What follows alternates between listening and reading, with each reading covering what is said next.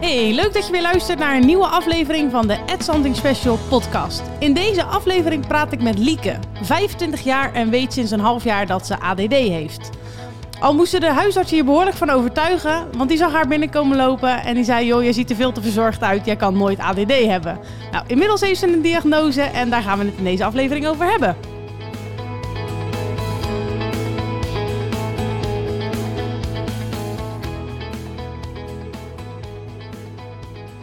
Nou, Lieke, welkom in de podcast. Ja, dankjewel. Leuk dat ik hier mag zijn. Ja, nou ja, je ziet er inderdaad verzorgd uit, maar voor mij is dat geen reden om aan te nemen dat je geen ADD hebt.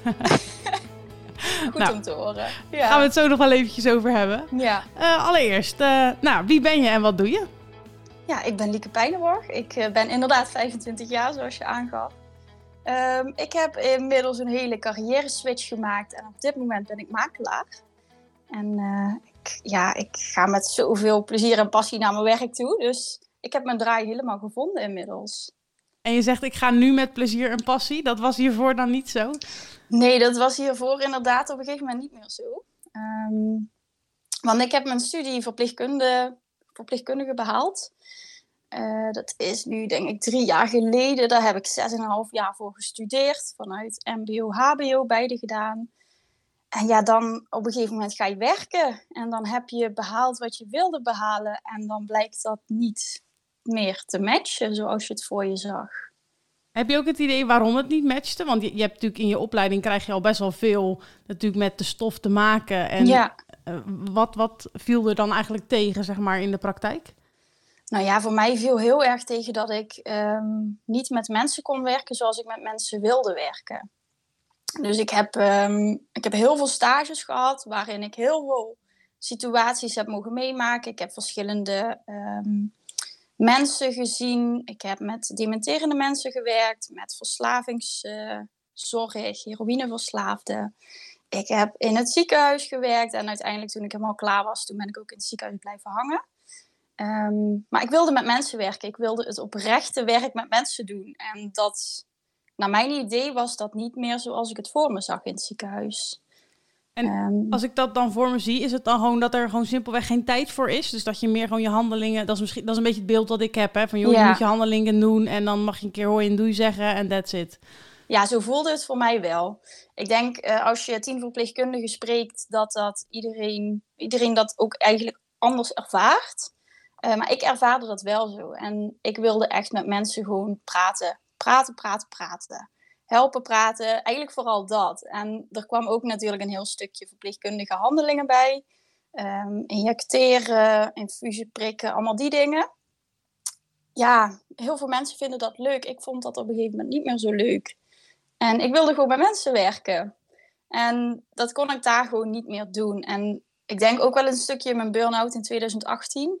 Die heb ik vanuit het ziekenhuis, of toen ik daar werkte, is die eigenlijk gekomen. Um, dat ik daardoor eigenlijk naar mijn idee ook heel erg ben gaan kijken van... hey, waar word ik nou echt gelukkig van? Is dat ook de reden, ja, ik weet niet of je echt per se een reden hebt waarom je een burn-out hebt, maar dat je eigenlijk niet gelukkig was in je werk? Uh, ik denk een van de duizenden redenen. Oké. Okay. Um, ehm, voor mij is eigenlijk, die puzzelstukjes zijn achteraf pas een beetje op zijn plek gaan vallen. Uh, maar in 2018 ben ik uitgevallen vanuit, of vanwege die burn-out eigenlijk. En nou ja, dan ga je therapie in, dan krijg je allerlei hulp vanuit verschillende hoeken gelukkig. Uh, en daar pas ben ik gaan praten en kijken van, hé, hey, maar waar komt dat nou vandaan dat ik die burn-out krijg? Ja, hm. onder andere dat ik niet meer gelukkig was in mijn werk, maar ook um, het overlijden van mijn opa, wat eigenlijk nog best recent was gebeurd en nooit verwerkt was eigenlijk stapelde het zich met heel veel dingetjes op. Hm. En ja, dan stort je op een gegeven moment in. Tenminste, dat is bij mij dus helaas gebeurd toen. Um, maar ja, achteraf is dat wel het beste wat mij is overkomen. Maar, maar dan, kun je achteraf pas zeggen. Dan was je denk ik 2, 23 of zo toen je een burn-out kreeg? 2018, dat is drie jaar geleden. Ja. ja. Hoe is het om, om dat op zo'n jonge leeftijd te krijgen? Want je bent waarschijnlijk nog helemaal in de ontdekking van wie je bent. Je wist toen natuurlijk ook nog niet dat je ADD had. Nee, nee, klopt. Hoe kijkt, hoe kijkt de buitenwereld daarnaar? Niet dat dat belangrijk is hoor, maar daar ben ik wel benieuwd naar. Ja, nou ja, ik denk dat ik daar weinig van meegekregen heb. Want ehm, in het begin durf je het helemaal niet te vertellen. Toen ik hoorde, je hebt een burn-out. Nou ja, ik belde mijn vriend huilend op. Ehm, en hij was ook in het begin echt de enige die ik het überhaupt durfde te vertellen. Want je hebt toch een bepaalde schaamte op het moment dat je dat te horen krijgt. Een idee dat het dat kan zijn, maar je wil het gewoon niet horen. Ehm, maar ja, je merkt ook wel, ik ben het op een gegeven moment wel gaan delen met echt mijn naaste mensen. Uh, dat er dan toch wel heel veel steun komt. Maar je, je voelt je gewoon enorm gefaald. Hm. En ook vooral het beeld van, ja, maar iedereen moet gewoon ja, iedereen is jong en gezond en heeft heel veel energie. En waarom heb ik dat dan niet? Eigenlijk zo. Heb je toen dus, ook al een eh, beetje een, een linkje gelegd naar iets met ADD? Nee, nee, helemaal niks. Dat kwam later pas? Ja, dat kwam echt pas later. Ja. Vertel eens, hoe is uh, ADD dan op je, op je pad gekomen? Bijzonder. um, ik ben vanwege mijn burn-out, dat was toen december, toen ben ik rond maart, april, mei ergens weer een beetje langzaam gaan reïntegreren in het ziekenhuis. Um, ik ben eventjes aan het denken. Toen, rond september of zo werkte ik weer. En uh, nou ja, ik, ik was daar gewoon niet meer happy. Op een gegeven moment wist ik, ik ga hier niet gelukkig worden. S ochtends dacht ik aan ontslag nemen. En bij wijze van spreken heb ik diezelfde dag nog mijn ontslag ingediend. Waarbij iedereen aangaf van ja, Lieke, je hebt een goede baan. Je hebt een fulltime contract. Je hebt alles wat je wilde. Je wilde altijd verpleegkundige worden. Dat waren de reacties die ik eigenlijk wel kreeg. Ehm, maar mijn gevoel zei echt, je moet hiermee stoppen. Dit gaat je niet gelukkig maken. Er komt echt wel iets op mijn pad. Um, ja, mijn gevoel zei gewoon ontslag indienen en doen. Dus dat heb ik ook gedaan ongeacht de reacties die daarbij kwamen. Ehm, maar de diagnose is pas vorig jaar oktober gekomen, dus dat is dik een jaar later. Uh, toen ben ik eigenlijk met een goede naaste ben ik gaan wandelen en veel over gehad. En toen gaf ik ook aan van ja, die sleutels, ik word er echt helemaal gek van. Die sleutels die raak ik elke keer kwijt. Uh, mijn kamer blijft een rommel. Ik krijg het niet opgeruimd. Of ik krijg het wel opgeruimd, maar de volgende dag is het weer chaos. Eigenlijk gewoon mijn hoofd een beetje gedeeld in hoe dat, dat voelde.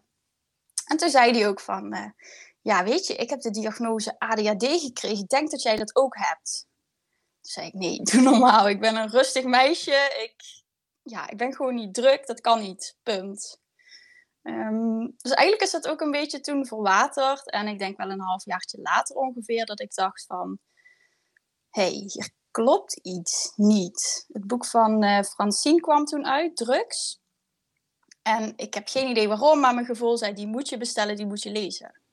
En die heb ik besteld en die had ik binnen een dag uit. Terwijl dat ik echt geen boekenfan ben.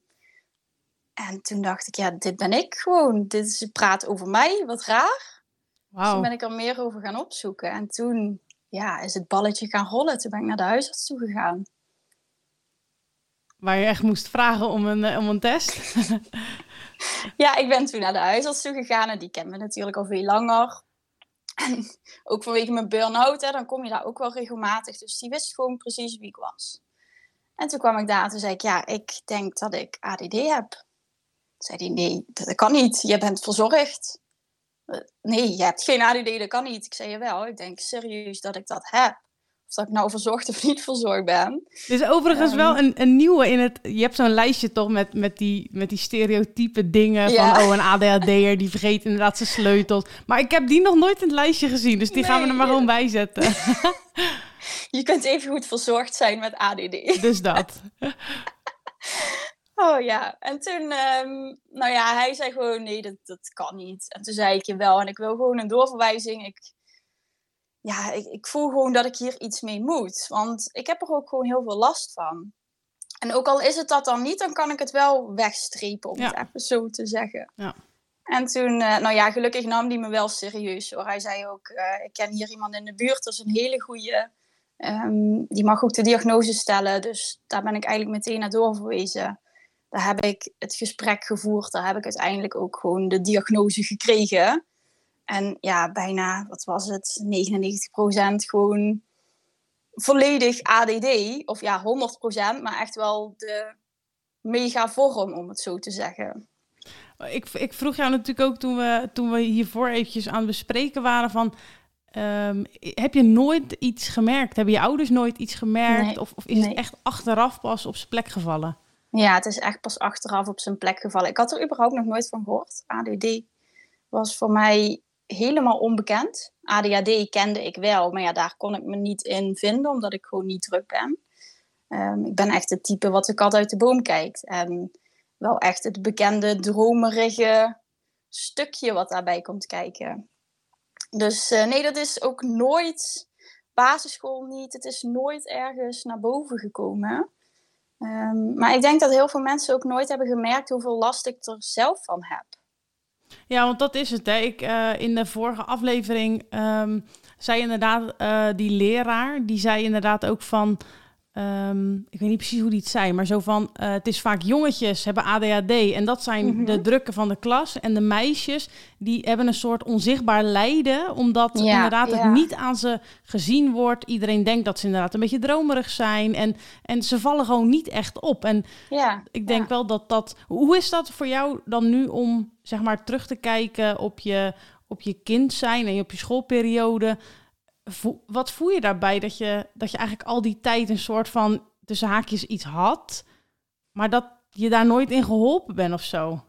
Ja, voor mij, ik, ik heb de diagnose nu een half jaar, dus voor mij is het nog steeds een beetje, het moet allemaal zijn plekje vinden. Maar als ik dan terugdenk inderdaad aan mijn basisschooltijd, dan baal ik wel enorm. Want ik had gewoon, als ik een stukje extra begeleiding had gehad of een stukje extra aandacht daarin, dan was dat voor mij waarschijnlijk zoveel fijner geweest. Um, en ook daarna, vervolgens ben ik MBO gaan studeren na de middelbare. Nou ja, daar kreeg ik structuur. Daar waren alle opdrachten waren gewoon super helder. Het was allemaal gekaderd. Ik wist precies wat ik moest doen. Nou ja, dat ging goed. En vervolgens, toen ben ik nog dus HBO gaan studeren. Ja, toen viel ik voor mijzelf gewoon echt in een flink gat. Want in één keer moest ik zelf gaan beslissen hoe ik een opdracht wilde invullen. Um, en ik kreeg gewoon 0,0 handvaten. En ik vond het aan één kant heel fijn, want ik ben wel creatief. Alleen aan de andere kant wilde ik wel weten wat moet het eindresultaat dan worden. En die twee die combineerden voor mij gewoon heel lastig. En ik denk ook uiteindelijk heb ik mijn opleiding gehaald door mijn beste vriendin. Want die zat in hetzelfde leerjaar heb ik mijn scriptie meegemaakt. Ja, die heeft mij gewoon structuur gegeven. Zij was bijna mijn agenda tijdens dat hele proces. En zij was gewoon echt, ja, zij nam daar de leiding in. Ja, mooi hè, dat je als je zo iemand naast je hebt, dat je ja, dan, uh, ja. ja. Maar dit pas kan ik ook achteraf zien. Ja, want dat wist je natuurlijk ik. toen ook nog niet. Nee, nee, nee, toen wist ik het helemaal niet. Nee.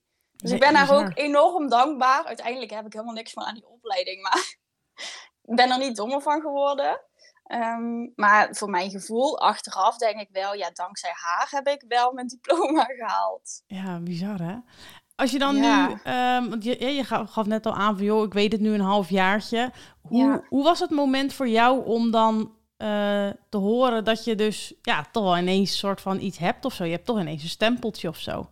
Ja, ja, ik vond het wel heel spannend, want voor mij is het niet een normale procedure om naar de huisarts te gaan en te vragen, mag ik een doorverwijzing? Naar mijn idee zou dat normaal iets anders gaan.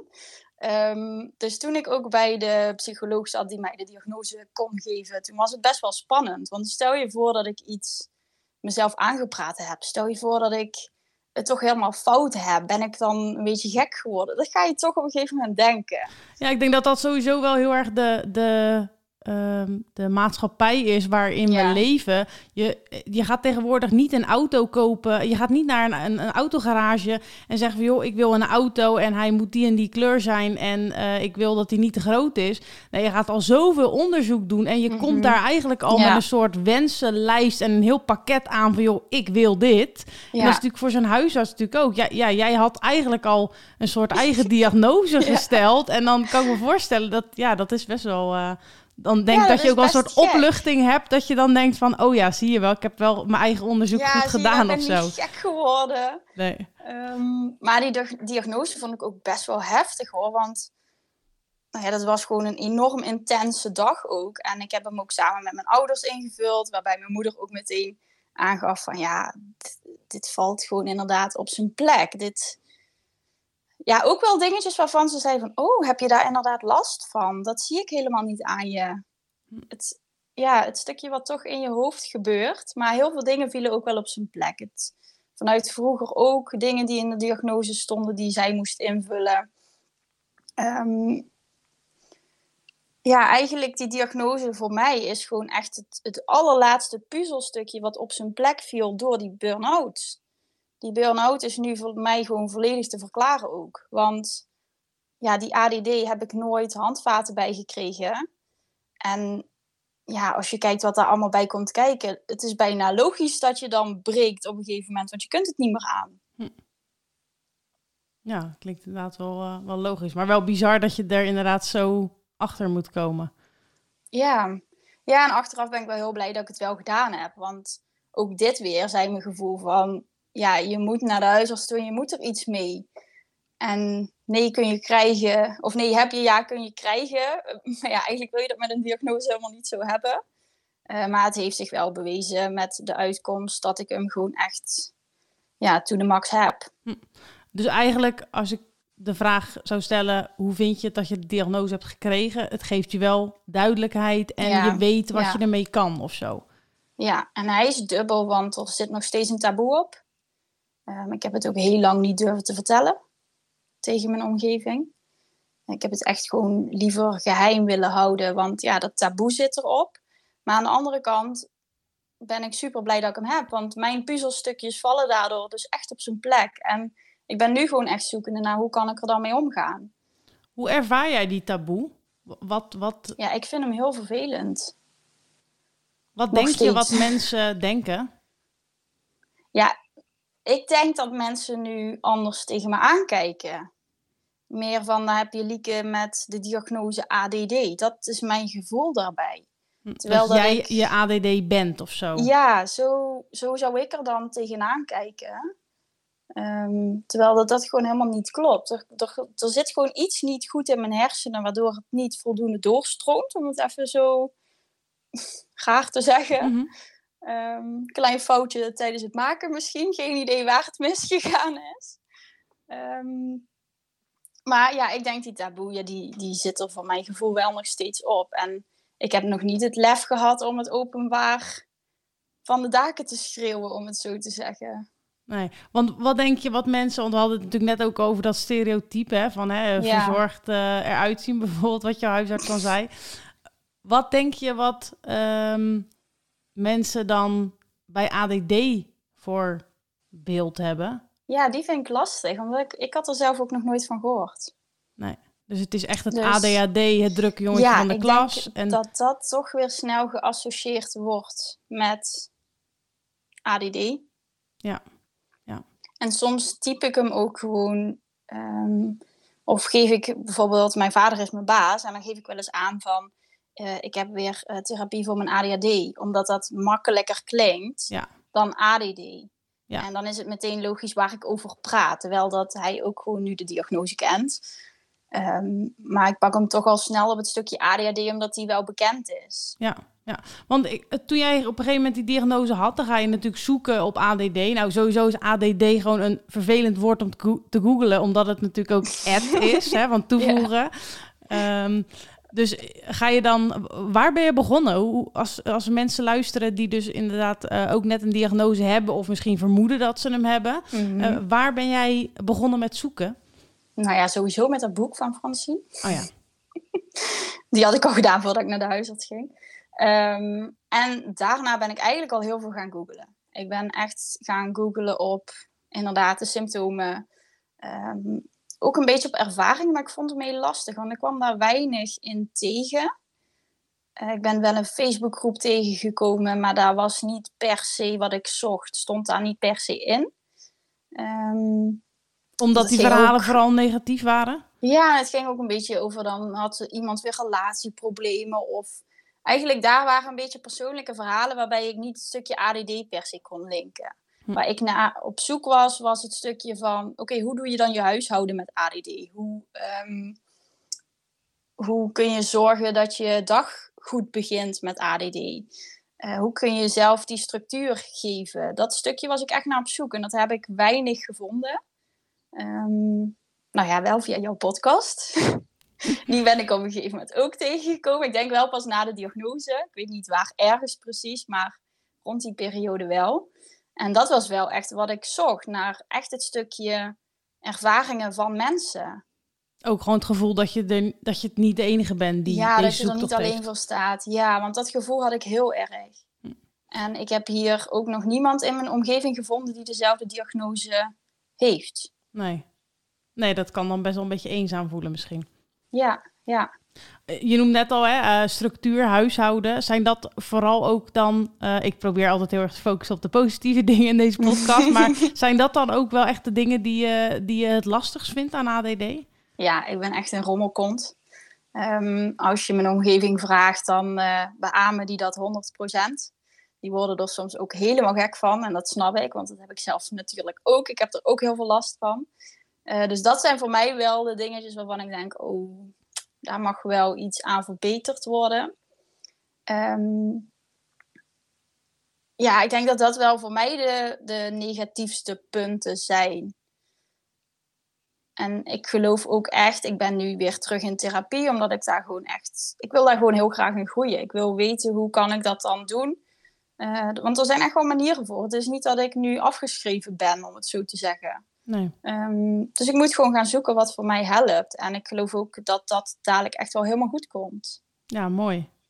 Hoe, hoe zit het met jou uh, in je hoofd qua denken? Uh, kan je, um, ja, misschien moet ik hem even iets anders introduceren. Ik merk dat ik vaak best wel last heb van een soort gestructureerd denken. Dus um, als ik bijvoorbeeld gewoon alleen in de auto zit en ik heb niet heel actief muziek aan, zeg maar, mm -hmm. en ik ga denken, dan kan ik heel lastig mijn gedachten sturen, zeg maar. Dus dan ga ik meer gewoon in een soort flow aan gedachten en linkjes van oh dit, oh dat. En dan, dan, dan maar ik kan lastig uh, een hele autorit over één onderwerp bijvoorbeeld nadenken of zo. Hoe, hoe, hoe, hoe gaat jouw denkproces? Ja, voor mij is die herkenbaar. Ik, ik zie het ook echt als een spinnenweb in mijn hoofd. Um, alleen, ik vind hem soms heel gek, want ik heb soms echt dat ik gewoon serieus nog een... Dan is er een grap geweest en een maand later, dan denk ik daaraan terug en dan kan ik er pas om lachen, omdat ik hem dan pas snap. Ja, ja, ja. Alsof die dan pas binnenkomt. Het is, het is echt gewoon heel erg. Dus bij mij gaat het, het schiet echt gewoon alle kanten uit. En soms is dat heel fijn. Uh, want ja, dat, dat ben je ook gewend natuurlijk. Ja. Maar soms denk ik echt, ja, waar slaat dit nou weer op? Waarom komt dit nu pas binnen en kan ik er nu pas mee lachen? Um, maar mijn hoofd, voelt, ja, mijn hoofd voelt gewoon echt als een spinnenweb. En ik denk, ik, vooral ook, ik heb nu een vriendin. Uh, zij geeft aan, ja, ik denk ook al dat ik de diagnose heb. Nou ja, zo'n gesprek met haar wil je eigenlijk niet zien. Als ik met haar praat, dan hebben we het over 20.000 verschillende dingen om de minuut. Ja, ja, ja. Maar ja, dat, voor mij voelt dat ook wel weer heel vertrouwd. Want we kunnen beide zo snel schakelen. Alleen we maken nooit een zin af. We maken nooit een gesprekje af. Nee, nee, leuk hè. Nou ja, ik moet ook wel lachen. We hadden inderdaad, uh, dan om één uur hadden we deze, deze podcastopname. En ik dacht, ik, het was iets van tien over twaalf. En toen dacht ik, oh ja, ik moet nog eventjes eten. Toen dacht ik, oké, okay, uh, oh, ik heb oh, geen brood te vriezen, bla bla. Dacht ik, oh, doe ik, oh, ik heb wel zin in pannenkoeken, dacht ik. En dan overzie ik dus niet, dan dat pannenkoeken bakken, dat, dat duurt gewoon echt even, zeg maar. Ja, en ja. Uh, ik had heel die mix. En toen, nou ja, eer dat ik dan bezig ben, was het echt iets van tien voor half of zo. En dan ga ik beginnen en ik kijk op mijn telefoon. En het is tien voor één. En ik moest echt nog een paar pannenkoeken afbakken, weet je. Dus ik dacht, ja, weet je, ja, weet je, dan denk ik, nou, ik moet ook gewoon eerlijk zijn. Dus ik had jou geappt van, joh, ja. shit, ik ga het niet halen. Ik ben eventjes iets later. En toen zei jij ook nog van, oh, rustig aan. Ik ben ook nog helemaal druk, bla, bla. En dat is, dat is wel echt wel heel leuk om... Um, ja, gewoon contact te hebben met ja, uh, mede-ADD'ers ja. of zo. Dat je dan gewoon, ja, dat is zo herkenbaar.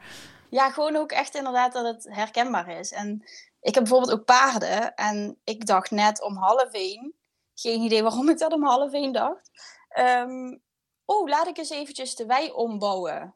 Het slaat ook helemaal nergens op, want Nee. daar ben ik ook gewoon soms wel een uur mee bezig. En dan neem ik zelfs mijn telefoon niet mee, terwijl dat ik die altijd meeneem. Dus ja, het is wel heel herkenbaar. Ja, gewoon die impulsen en dan niet vooruitdenken. En. Ja, ja, dat, dat is ook wel, Ja. dat is denk ik ook wel voor een omgeving vaak best wel ja. annoying. Van ja, je snapt toch wel dat je niet in een half uur eh, mix kan maken en pannenkoeken kan bakken. Maar dat is in mijn hoofd is het gewoon zo praktisch. Oké, pannenkoeken, honger, bakken. Weet je dat? Niet van joh, hoe lang duurt dat? Of ja, dat is echt wel. eh, Wat ja. heb je überhaupt nodig voor die mix? ja, dan ben je halverwege en heb je weer iets niet of zo. Nee, ja. Ja, heel herkenbaar. Ja. ja. Hey, en eh, medicatie? Ja, ik heb eigenlijk eh, meteen medicatie voorgeschreven gekregen. Eh, Wilde je dat zelf ook meteen? Ja, ik heb wel aangegeven ehm, toen ik de diagnose kreeg. Ik zei, ja, weet je, ik zit zo in de knel. Ehm, ik, ik heb gewoon nu hulp nodig. Nu. Ja. En toen gaf hij ook aan van, ja, weet je, we gaan gewoon starten met medicatie. We gaan, het gaat een proces worden, gaf hij ook eerlijk aan. Eh, want ja, je gaat nooit meteen de juiste diagnose vinden of de juiste ehm, hoeveelheid vinden, het juiste medicijn. Het wordt gewoon een zoektocht. Maar daar stond ik ook wel voor open als ik maar gewoon nu hulp ging krijgen. Ja. Ehm, en eigenlijk heeft hij zo'n nauw contact met mijn huisarts, waar ik dan weer wel heel blij mee ben. Waardoor we gestart zijn met methylfenidaat. En het was meteen raak. Het was meteen dat ik dacht van wauw, ik krijg weer ademruimte. Ik Hm. krijg weer rust in mijn hoofd. Ik durf weer vol, ik durf weer eigenlijk gewoon auto te rijden zoals je auto wil rijden. Hm. Ehm, want ik zag te veel op straat. Ik zag te veel waar ik helemaal niet naar moest kijken. Maar ja, dat, dat gebeurde. En ik was ook helemaal niet anders gewend. Dus voor mij was het echt alsof er een hele last van mijn schouders afviel toen ik met medicatie begon. Eh, maar ja, ik kom uit de zorg. Ik heb verslavingszorg meegemaakt. Ik, ik, ik was nooit helemaal fan van medicatie. Ehm, dus ik moest daar wel gewoon ook mijn weg in vinden. Dat ik dacht van ja, maar wat gaan hier de gevolgen van zijn? En die zijn ook helemaal nog niet zo bekend. Eh, dus ik heb ook best wel gestruggeld met hoe nu verder. Ga ik dan forever medicatie nemen? Of hoe gaat dat eruit zien? En uiteindelijk heb ik daar wel rust in gevonden dat ik dacht, oké, voor op dit moment is het gewoon heel erg prettig. Ik weet dat het werkt. Het doet ook gewoon echt wat het moet doen. Vooral de dagen als ik het dan een keertje vergeet. Want ja, die zitten er ook helaas wel eens tussen. Mhm. Ehm, dan denk ik, ja, dit is gewoon weer chaos. Dus ik ben heel blij dat die medicatie voor nu gewoon heel goed werkt. Hebben ze ook een negatief effect op je? Ja, ik, ik moest eventjes denken. Ja, ehm, dat ik afgevallen ben. Hm. Dus mijn hongergevoel verdween. Eh, ik, ik woog sowieso 55 kilo, dus dat is al niet heel zwaar. Ehm, maar ik ben daardoor best wel afgevallen. Ik denk, ik, ik heb geen weegschaal, dus ik weet niet precies hoeveel. Maar ik denk dat ik wel drie kilo afgevallen ben. En bij mij zie je dat dan heel snel. En ik voelde me op een gegeven moment ook niet meer prettig met die medicatie. Omdat ik bleef afvallen en ik vergat gewoon echt te eten. Hm. Eh, dus dat heb ik ook weer aangegeven. Vervolgens toch een ander medicijn geprobeerd. eh lisdexamfetamine. Mhm.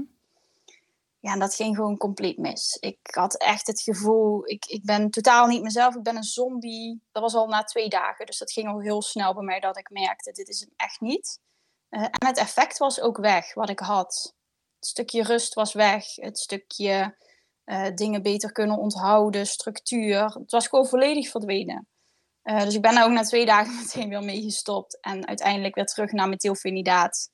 En ik heb geen idee wat daar gebeurd is in die tussentijd. Eh, maar ik heb weer honger gekregen.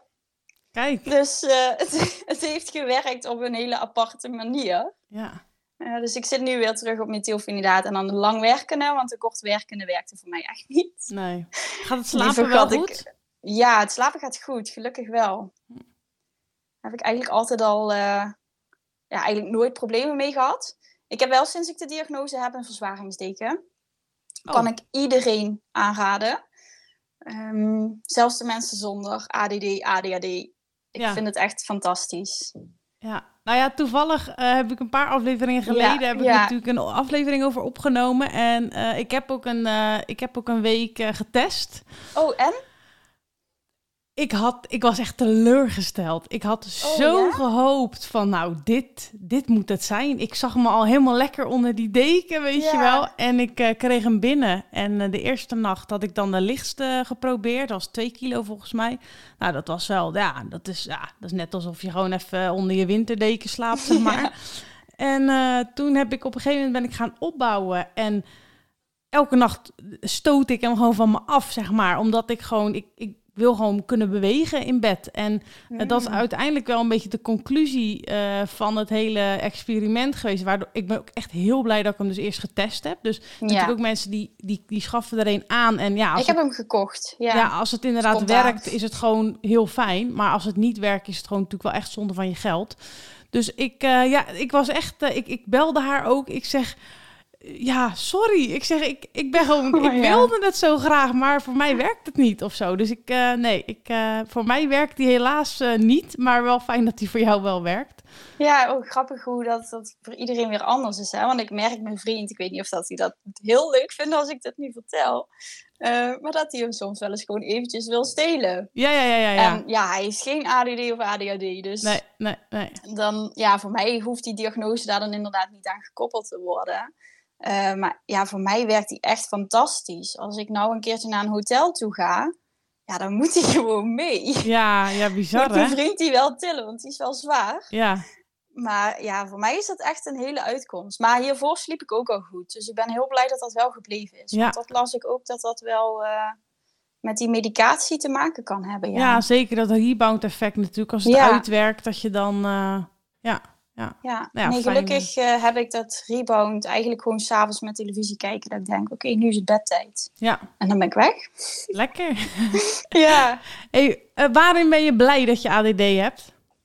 Ehm, dat die puzzelstukjes op zijn plek vallen. Dat ik nu terug kan kijken op mijn leven. En ik ben nog maar 25. Maar dat ik nu snap waarom ik eh, eigenlijk heel veel dingen deed zoals ik ze deed. En voor mij, ja, voor mij is het gewoon echt bijna fantastisch om die diagnose te hebben. Omdat ik het nu gewoon echt begrijp.